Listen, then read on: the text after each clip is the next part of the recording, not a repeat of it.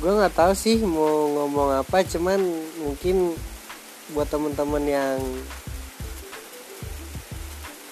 belum kenal siapa gue dan emang gue nggak mau lu kenal sih. Cuman ya kalau lu pengen dapetin sesuatu lu dengerin aja podcast ini.